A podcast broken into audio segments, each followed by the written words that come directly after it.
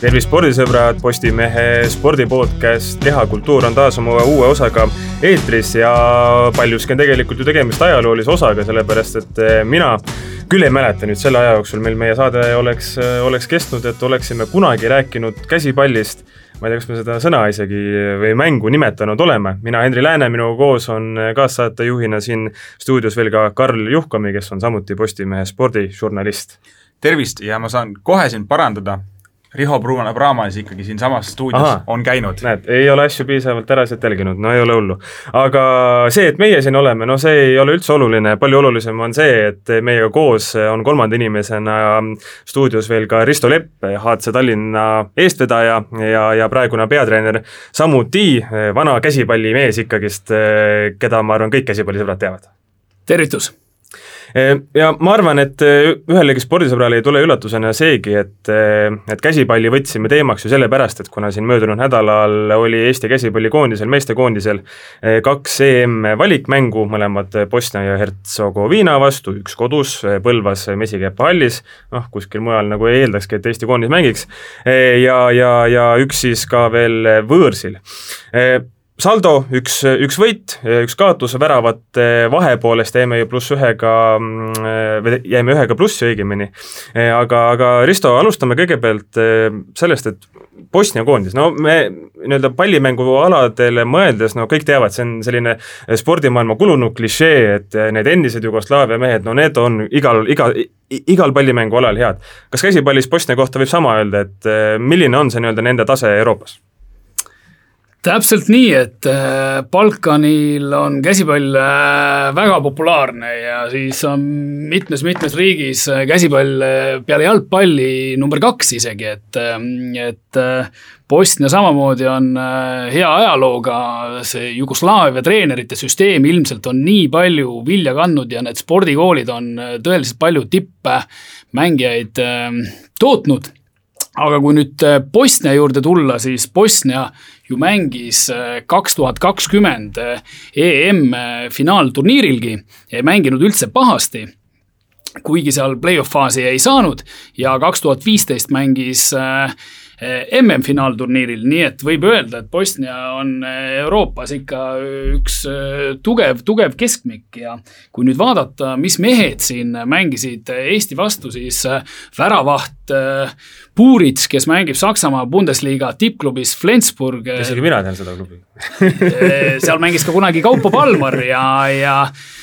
Flensburgi väravahti siis loetakse hetkel äh, maailmas, äh, võib isegi öelda, et top viie väravahiks, et äh, tema kindlasti see nii-öelda nimeline liider seal on, aga on seal hetke Bosnia võistkonnas ka mängijaid, kes mängivad sel hooajal meistrite liigas, kaks neist näiteks Valgevene klubis Meskov Brest, üks vasaksisemine neljakümne aastane mees mängib äh, Poola liigas, Wisla Plotskis, äh, on veel Prantsusmaa liigast, on veel Sloveenia liigast, nii et võib öelda, et kvaliteeti on seal küll ja küll ja ärme unustame seda, et Bosnia koduliiga siis on ka ju teatavasti ikkagi suhteliselt tugev ja Bosnia klubid on siis osalenud aastaid juba ka siis Seha liigas, mis on siis nii-öelda Balkani ja Kesk-Euroopa liiga, et ei saa kindlasti nende võistkonna ala hinnata ja, ja Eesti tegi nendes kahes mängus kindlasti suure eneseületuse. No nende mängude eel tegelikult üheks väga oluliseks ja teravaks märksõnaks oli koroonaviirus ja selle tõttu puuduvad mängijad, noh okei okay,, meil küll mängijad ei puudunud otseselt seetõttu, et nad ise on nakatunud, aga aga noh, Mait Patrall, Tener Jaanimaa äh,, Rooba, keegi ei saanud ju aidata tegelikult koondist. Bosnia, ma eeldan, et oli ka puudujaid, et kui sa vaatad nagu selles kontekstis puhtalt paberi peal, kumb sellest olukorrast nii-öelda puhtama koondisega siis nii-öelda lahingusse läks? no mulle tundub, et äh, Bosnias olid äh, enamik äh, tippmängijad kohal, küll ei olnud kolmekümne viie aastast mängujuhti Igor Karadžitšit, kes siis finaalturniiril jaanuaris kaks tuhat kakskümmend osales.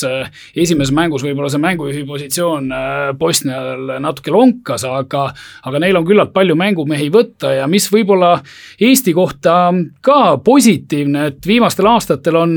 mitmetel põhjustel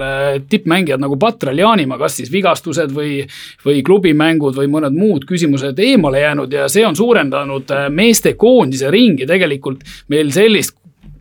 sellist asja kui B-koondis ei ole, aga eh, tänu sellele, et eh, mängijad on jäänud eemale, on ka Eesti koondis võitnud. Ja nüüd, kui me võtame, et Patrall jäi eemale,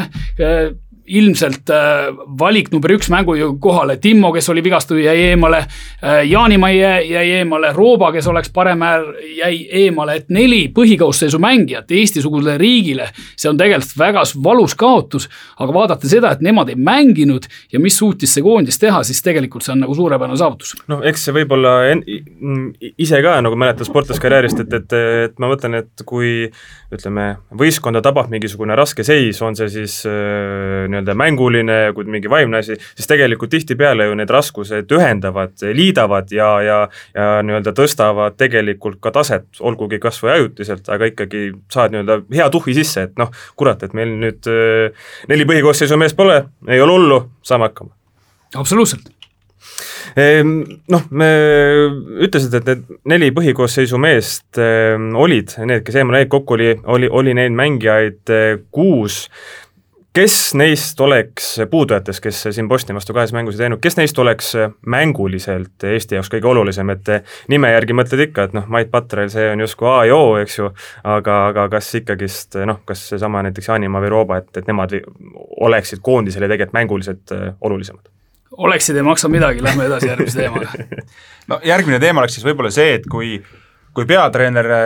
Toomas Sivertson siin on andnud ka kommentaare pärast mänge, siis ta on rõhunud ikka sellega, et äh, need mängud, nii-öelda kahe mängu kokkuvõttes võideti ära kaitsega. Äh, kõrvaltvaatajana sada protsenti nõustub peatreeneriga, et see oli see, millele me oma mängu üles ehitasime, sealt nii-öelda see vundament meile tuli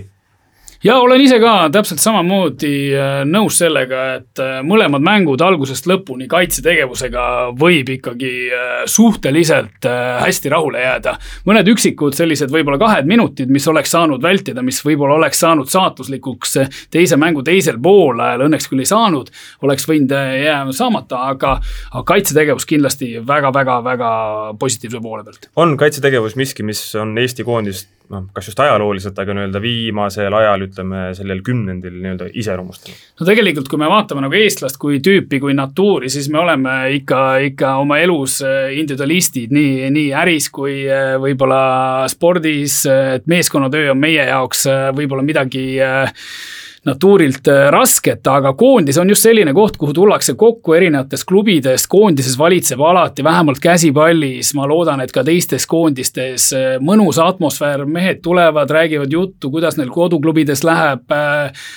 et koondises kunagi selline team building või sellise asjaga tegelema ei pea, see on iseenesest juba olemas ja, ja kui me siin võib-olla räägime, et eestlane on natukene tagasihoidlik ja, ja vähe nahaalne, siis koondises seda küll õnneks näha ei ole, et mängijad, kes on äh, seal platsi peal, kõik võitlevad, kõik on agressiivsed, kõik unustavad selle nii-öelda eestlase tüpaaži ära ja, ja, ja võitlevad nagu lõvid seal, et äh, see on küll väga positiivne. no kui kaitsefaas on kõik hästi, siis äh, ründefaasis on ikkagi noh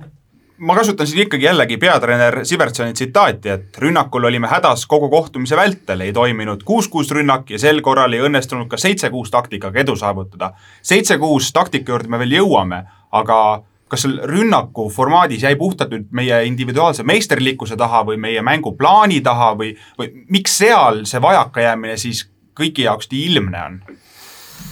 jah, et käsipallis on äh, kolm mängufaasi, äh, kaitsetegevus kiirrünnak koos kiirrünnakusse minekuga ja siis äh, positsioonirünnak. esimesega, kaitsetegevusega me saime väga hästi hakkama äh,. kaitsetegevus äh, nõuab tahet äh, nõuab äh, võib-olla siis äh, vähem selliseid äh, nii-öelda tehnilisi ja, ja, ja kui, kui spordis nimetatakse andekaid ja, ja võib-olla selliseid nii-öelda briljante, siis kaitsetöö on selline, mis algab nagu sundimisest ja mis algab nii-öelda eneseohverdusest ja loomulikult seal tuleb mängutegevust ka äh, nii-öelda mõtestada ja õigeid otsuseid teha. Sellega jäime rahule, kindlasti ei saa äh, jääda nüüd selle kiirrünnakusse minekuga, kiirrünnakuga ja positsioonirünnakuga rahule, aga lõppkokkuvõttes, mis on tähtis, me mängisime ikkagi EM valikturniiri mängu me mängisime tulemuse peale, nii et see taktika, mis äh, peatreener Siivertson võttis, äh, igal juhul õigustas ennast, et kui meil ei olnud sel neli põhikoosseisu meest, meil ei olnud võib-olla sellist äh, vahetust või meil ei olnud sellist ajusid, sellist kogemust rünnakul, et lõppkokkuvõttes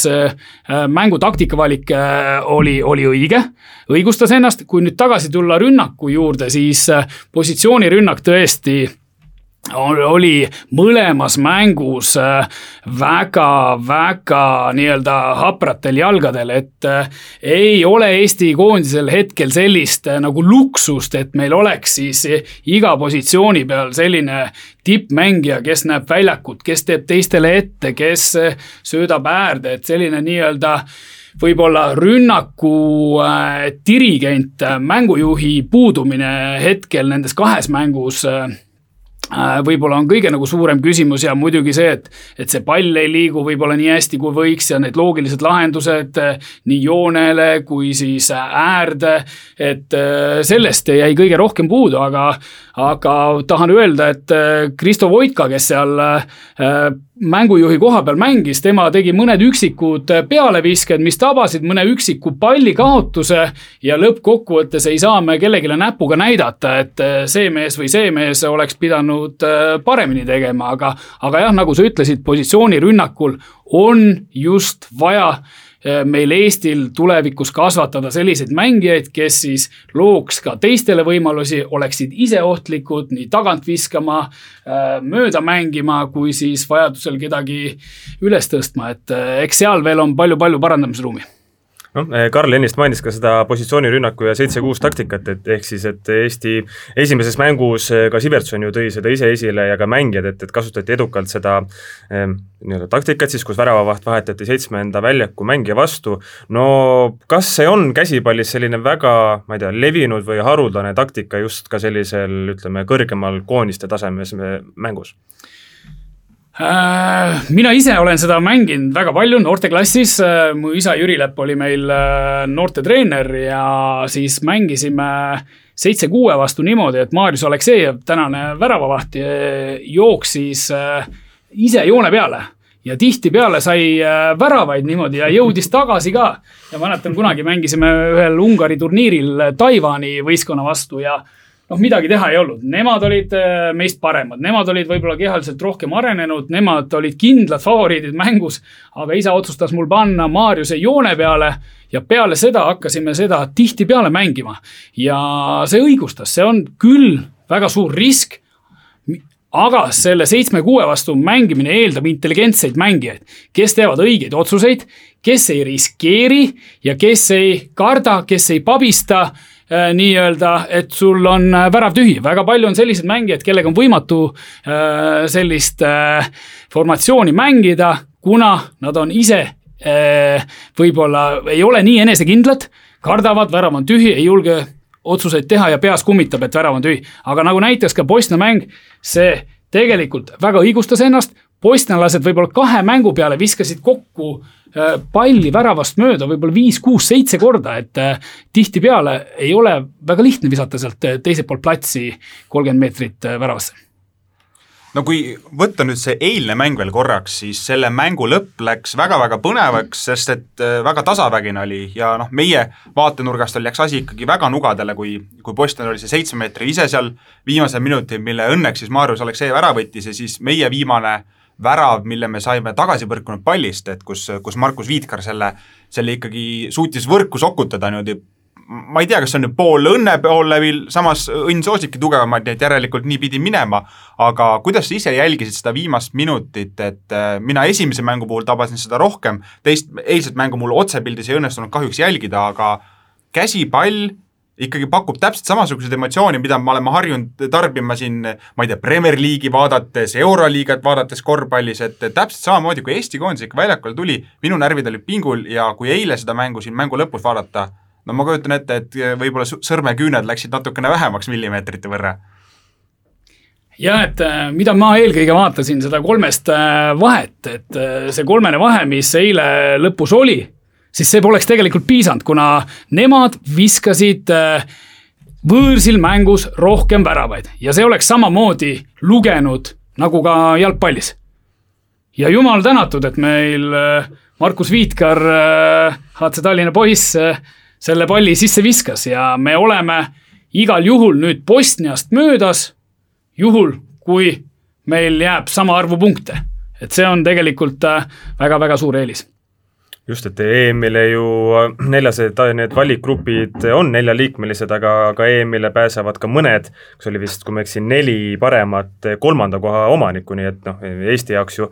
selle peale mäng käibki ja tegelikult, kui seda Eesti alagruppi ka nagu rohkem vaadata, siis ähm, meil on veel Saksamaa, noh ilmselge maailma tipp, siin ei ole, ei ole midagi teha, aga Austria ka, et kas kas Austria ja Bosnia on sellise sarnase tugevusastmega või, või on Austria, ma ei tea, grammi, grammi nõksa võrra, võrra ette? no Austria käsipall on siin viimase kümne aastaga väga palju arenenud, neil on äh, toimunud siin lähiajal mõned EM-finaalturniiri etapid. Kodus, nende mängijad on äh, tippklubides äh, esindatud, nüüd oleneb sellest, kui eh, hea koosseisu nemad eh, nüüd kokku saavad, kuid minu silmis ikkagi Austria on gramm eh, Bosniast kõrgem täisrivistuses, ütlen veel kord. aga ma tean, et siin DHB Kiili Saksamaa Bundesliga staar Nikola Pilük peaks olema praegu vigastatud, et kuidas need mängud Bosniaga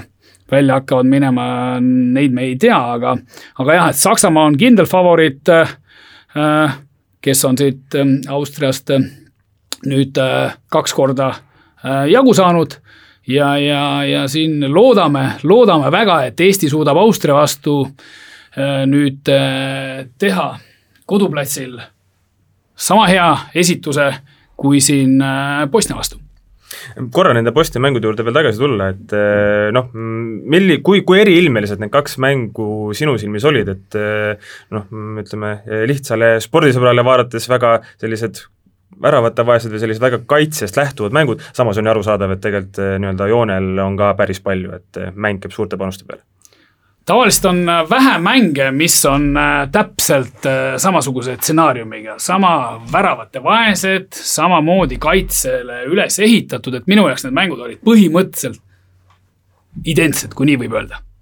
needsamad puudused, mis kolmapäeval olid, olid, äh, olid meil äh, eile ka olemas, needsamad plussid meil, mis meil kolmapäev olid just kaitses, olid meil kolmapäev, äh, eile olemas. Kuidas sulle tundub, kas praeguses olukorras, kus tegelikult EM-ile saab peale kakskümmend meeskonda ja välja jääb kaksteist, on Eesti koondisel kuidagi ka suurem,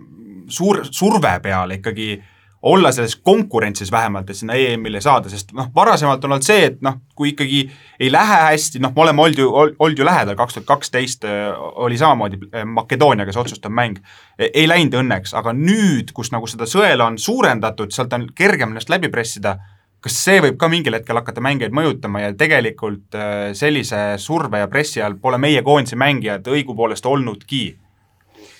no siin kümmekond aastat tagasi kogu aeg äh, leierdati seda teemat, et nüüd veel äh, mõned mängud vaja võita ja siis me jõuame finaalturniirile ja kogu aeg jäi natukene puudu, et siin tegelikult see ideaalne põlvkond, kus äh, Mait Patral ja Teneri Jaanimaa ja, ja kõik muud mehed, ma ise olin ka kümmekond aastat tagasi seal koondise ringis, et, et tegelikult meil jäi see nii-öelda i-le täpp peale panemata selle, selle põlvkonnaga. ja siin vahepeal äh, juhtus nagu väga pahasti, et äh, siin käisime seal äh, mudaliiga nii-öelda õhku nuusutamas, aga nüüd oleme tagasi, tundub, et järje peale saanud, aga ma ei usu, et see meeste peades midagi mängib, et keegi selle peale nagu mõtleb, et ikkagi igaüks tuleb oma koondist väärikalt esindama ja võtab mängu korraga räägime veidi peatreenerist ka, Toomas Sivertson, nagu siin maininud olema, rootslasega tegemist on ja, ja CV poolest ju tegelikult noh, ma ei tea, Eestis ma arvan, pallimängualadel üldiselt ei ole nagu nii särava CV-ga meest olnud, aga noh, nagu me teame, siis CV on, on üks asi ja päriselu teine, aga noh, Sivertsoni käe all on nüüd ka mängitud ikkagi parasjagu neid ametlikke kohtumisi, et kaks tuhat kaheksateist ta ametisse astus, kuidas sina tema ametiajale praegu nii-öelda tagasi vaatad, et eh, on see olnud pigem edukas, mm, enam-vähem või, või oodatust kehvem? kui Toomas alustas seda oma koondise karjääri, siis tal olid oma silme all ikkagi eh, mehed eh, Mait Patrail, vasak sisemine, Mikk Pinnonen, mängujuht, Tener Jaanimaa, parem sisemine Mikk Pinonen kahjuks koondisest loobus, tegi vaheaasta, nüüd mängib meil HC Tallinnas küll, aga koondis, koondist enam ei esinda siis äh, ma olen Toomasega rääkinud ka ja eks tal veidikene pettus, pettumuse noot ikkagi sees oli, ta nägi, et need mehed, kellest ma rääkisin, need ikkagi moodustasid sellise nagu väga hea terviku, kes olid omavahel kokku mänginud ka äh, noorte ja juunioride koondises ja, ja meestekoondises varemgi, et et võib-olla jah, et Toomas ei saanud kõikides mängudes ja ei saa kõikides mängus neid mehi kasutada, keda ta lootis ja seetõttu ongi nooremad mängijad ennast saanud võimaluse tõestada. Eks Toomase esimene hooaeg oli äh, päris, päris raske, et seal äh, võib-olla ei olnud ta ise rahul, võib-olla ei olnud avalikkus äh, rahul, aga need tulemused, mis siin järjest on meile positiivset valmistanud, ka, ka sügine, sügisene Saksamaa mäng oli ju igati, igati, igati hea favoriidi vastu ja, ja ega seal Austria mäng ka väga paha ei olnud, et, et täitsa tipp-topp see aasta on, on koondis esindanud ja, ja Toomase tulemused on ka järjest nagu paremaks läinud, et ma ise arvan, et selline käik igal juhul rikastab Eesti käsipallu, käsipallielu, annab mängijatele väga palju juurde, ta ju ise endine tippmängija, ta on Skandinaaviast pärit, ta on äh, pigem ikka selline demokraatlik mees, kes suhtleb mängijatega palju, võib-olla Eesti treenerid äh, nii palju personaalseks ei lähe, seal Toomasel on seda väga palju nagu Skandinaaviast tuua, et et ma, ma olen mängijatega rääkinud ja väga, mängijad on väga positiivselt olnud algusest peale meelestatud ja ma loodan, et see äh, vorbib siin mingi aeg järjest enam tulemuseks ka. No meil siin äh, Eestiski leidub neid inimesi, kes siin arvavad, et äh, kodumaal peab olema kodumaine peatreener, meil on spetsialiste küll, teeme niimoodi selle rahvusesinduse suureks, et äh, kuidas käsipallis on, et kas sellist välismaalt sisse toodud juhendaja, on see nagu hädavajalik lüke või, või tegelikult saaks koduste vahenditega ka hakkama? No tegelikult äh, käsipall võib-olla võib öelda, et jäi selle välismaa treeneriga isegi veidikene hiljaks, oleks pidanud juba varem tooma, et tegelikult me peame nägema ka, kuidas äh, mujal äh, siis käsipallikultuur on, kuidas mujal juhendatakse, et ega meil ju väga palju selliseid endiseid tippmängijaid, kes kuskil väga kõvades liigades on mänginud ja näinud, kuidas see tippkäsipall toimub, ju ei ole selge, et ega me oleks võinud ju panna ka oma mehe, võib-olla koondise abitreener Martin Noodla on kõige sobilikum persoon äh, järgmiseks eestlaseks peatreeneriks kindlasti. Siis, äh, siis kindlasti võib-olla ka talle on äh, vajalik see, et on ikkagi mees välismaalt, kellel on rohkem kogemusi, kellel on võib-olla natuke teistsugust nägemust, et see välistreener aitab äh, Eesti, Eesti oma kohalikel treeneritel äh, ka areneda ja loodame, et Toomase või mõne muu välismaa treeneri koostöö Eesti Käsipalliliiduga jätkub ja siis võib-olla juba sellisel äh, kujul, et äh, saaks rohkem äh, Eesti treenereid, just noortreenereid ka võitu sellest, et koondisel on peatreener, kes oma kogemused mitte ainult abipersonalile koondise juures edasi annab, vaid ka noorte, juunioride, meeste, naiste koondistele ja noortreeneritele, see on kõige tähtsam. No väga palju annab kindlasti juurde ka see, et kui ühel hetkel jällegi see, see taktikepp antakse eestlasele, siis ta ei pea hakkama koheselt nii-öelda sundkorras tulemust tegema, sellepärast et sellest mudaliigast, mis me korraks juba on siin jutu käigus läbi käinud, sellest me ikkagi oleme praegusel hetkel puhtad priid ja me ei pea sellega tegelema, et kui, kui see peatreeneri mõttes vahetus, vangerdus tuleb, siis ta saab rahulikult oma plaane hakata tegema, aga praeguses olukorras jätkuvalt, kui me, kui me hüppame korraks valiksarja juurde tagasi, siis Bosniast oleme me nii-öelda omavahelistes võrdlustes hetkeseisuga eespool, juhul kui nad Austriaga imet ei hakka seal tegema, aga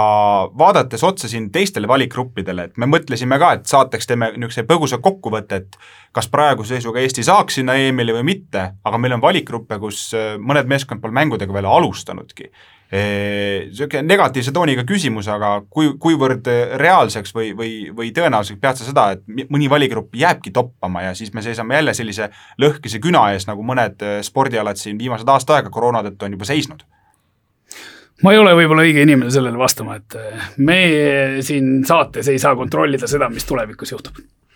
küll ma tahaks küsida seda, äh, Eesti käsipallist oleme siin rääkinud, aga, aga kuidas on Eesti käsipalli nii-öelda seis just koondise mõttes võrreldes näiteks teiste äh, Balti riikide ja, ja, ja ka ütleme, Soomega näiteks, et äh, teada on, et Rootsi ja niimoodi noh, need on ju väga kõvad maad, aga, aga kui head on meie nii-öelda lähinaabrite koondised? Eks me oleme siin olnud äh, kümmekond aastat, võib-olla isegi rohkemgi olnud suhteliselt äh, samal tasemel, nii Leedu, Läti kui Soomega. et nii naljakas, kui see ka ei ole, siis me oleme samal tasemel. eelmine aasta, kaks tuhat kakskümmend jaanuaris finaalturniirile ju Läti jõudis ei saa öelda, et Läti oleks meist väga palju äh, kõvem äh, võistkond ja, ja tegelikult äh, Baltimaad on siin oma asja ühiselt ajanud. Soome on ka edasi läinud, Soome on nüüd rootslasest samuti rootslasest peatreeneri all, et mängupilt on kihvt, ilus, kiire, kuid ei ole nii võib-olla äh, häid tulemusi näidanud kui, kui siin Eesti, et Eesti on rohkem mänginud selle nii-öelda tulemuse peale ja selle taktikaga. no kui Soomet juba mainida, siis HC äh, Tallinn läks ju hooajale vastu tegelikult väga ambitsioonikate eesmärkidega mängida Eestis eurosarjas. Soomes noh, igal pool oletegi saanud ju väljakul käia, aga siin eelmise nädala lõpus tuli, tuli see uudis, et Soome meistrivõistlustel edasi koroona tõttu ei saa osaleda. no ma kohe mõtlesin, et kui ma lugesin seda pressiteadet, siis seal oli, oli ju kirjas, et selle otsuse tegi Soome Käsipalliliidu juhatus, aga kas see käis siis niimoodi, et nemad käisid poodi lasid või oli seal ikkagist mingit sellist, ähm, kuidas me ütleme, läbirääkimisi ka, et, et et mõtlesid, et kas ikka kuidagi äkki saaks mängida või? Jah, kahjuks reedel äh, niimoodi mulle teatati, et neljapäev oli Soome äh, Käsipalliliidu juhatuse koosolek olnud ja seal äh, ikkagi arutlusele see teema võeti, nad tegid otsuse ära, ma küll ise üritasin veel võidelda viimase hetkeni, et ikkagi olin valmis võistkonnaga Soome liigas jätkama, meil oli kuus põhijooaja mängu veel pidamata ja isegi andsin neile äh, variandi, et me tuleme, teeme kõik äh, vajalikud protseduurid läbi, testid läbi ja siis mängime kõik need kuus mängu äh, Soomes, et te, te ei pea üldse Eestisse tulemagi. aga miskipärast nad olid oma peas juba selle ära otsustanud, ma veel ütlesin, ma räägin klubidega läbi, ma räägin veel juhatusega läbi, aga aga ega see olukord siin äh, maailmas on nagu on ja kuna need näidud on Eestis äh, kümme korda suuremad kui Soomes, siis äh, ei saa midagi neile ette heita, kuigi mina oleks ja, ja ma loodan ka, et mehed oleks väga tahtnud mängida. meil on sügis väga hästi läinud, me oleme saanud seal käia. Balti liiga ju jäi hoopis toppama, et, et mõnes mõttes on mul äh, väga kahju ja seetõttu, seetõttu on juba, ootame, ootame selle pandeemia lõppu ja ootame juba uut hooaega. No Soome liigas võiduarve jäi avamata kaheksa ürituse juures, Eestis äh, on läinud asjalood paremini, et kas järeldus ongi nüüd nii mustvalge, et nagu klubi tasandil põhjanaabrid ikkagi on meist üle, kuigi nii-öelda muidu me kõnnime enam-vähem samas sammus või see nii üks-ühele ei saa seda tõlgendada? no võib-olla nii äh, must ja valgelt seda tõlgendada ei saa, et me tõesti äh, punktiarvet äh, ei olnud avanud nendes kaheksas mängus, aga see hooaeg tuleb natukene teistmoodi vaadata tulemuste poolele vastu ka, et ega me keegi ei teadnud, mis äh, suvel äh, saama hakkab ja me ise ka klubis võtsime pigem sellise esimest korda niisuguse konservatiivsema plaani ja vaatame, komplekteerime võistkonna võimalikult hilja, et millal jälle uuesti kinni pannakse ja ega kõiki selle taga on finants ja, ja siin ega siin pallimänguklubidel ja eriti kui tahad äh, ambitsioonikalt osaleda igas liigas, siis väga hõisata ju ei ole ja iga sent on arvel ja septembrikuus meiega liitusid äh, põhimängijad Kaspar Lees ja Mikk Pinnonen ja oktoobris tulid äh, välismaalane vasak või tähendab parem sisemine Valgevenest ja, ja paremäär äh, Ukrainast ja, ja siis äh, koondise mängujuht Marius Aleksejev samuti oktoobris, et viis põhikoosseisu mängijat liitus meiega väga hilja ja siis olid neli koondise mängijat karantiinis ja siis asjaolusid arvesse võttes me mängisime kaks mängu järjest, laupäev ja, ja pühapäev, Soome klubid mängisid ühe mängu nädalas, me läksime laupäeva hommikul Soome, et kulusid kokku hoida, mitte reede õhtul ja, ja eks need kõik asjad mängisid selle tulemuse kokku ja lisaks Soome liigas on määrus, et vilistavad vaid Soome kohtunikud ja eks me kõik sellega peame arvestama, need koefitsiendid sinna sisse panema. Ja, ja aga sellegipoolest võib öelda, et et kuigi ma jäin selle Soome liigaga väga rahule, et me seal mängime, siis tõesti meie nagu potentsiaal, mis võiks olla seal neljas koht, reaalselt viies koht Äh, siis see ei avaldunud, üks võistkond isegi üks päev enne mängu ütles, et nad ei soovi ikkagi järgmine päev mängida ja me otsustasime ühe kodumängu oma, kodumängust loobuda. aga sellele vaatamata see ongi väga hea võimalus näha, kust on meil võimalik juurde panna, mida mängijad saavad äh, paremini teha, mida treenerid saavad paremini teha ja, ja Soome klubi käsipalli mõttes on kindlasti Eestis viimase kümne aastaga eest ära läinud, sest äh, meistrite liigaski siin mitmeid hooaegu mänginud Riihimäe, Koks on ju väga tugevate legionäridega Äh, nii-öelda mehitatud, Helsingi Tikken on väga head tööd teinud noor, noortega. eurosarjas eelmine aasta jõudis kaugele, Karja Peeko nelikümmend kuus on samuti väga-väga tugev äh, meeskond, et need meeskonnad, kolm tükki Eesti liigas oleks äh, kõik suurfavoriidid kullale ning samamoodi ka Balti liigas, et. et see oli kihvt samm, et me selle tegime, et see teoks sai näha soomlaste just sellist äh, tehnilist mängu, kiiret mängu ja heade otsustega mängu, see annab meile nagu väga palju juurde ja tulevikuks äh, veel lisamotivatsiooni, et seal äh, paremini esineda. No kuidas üldiselt soomlased teid äh, seal vastu võtsid, et, et ütlesid, et üks klubi, eks ju, päev varem ütles, et noh, kuulge, sorry, aga teiega mängida ei taha sel päeval, aga üldiselt, kas ikkagist soomlased vaatasid, noh, eestlased, no tulge, mängime? Või, või oli rohkem selline, et ja et kui me seda mm, hakkasime ajama, siis ega väga palju oli Eestis niisugust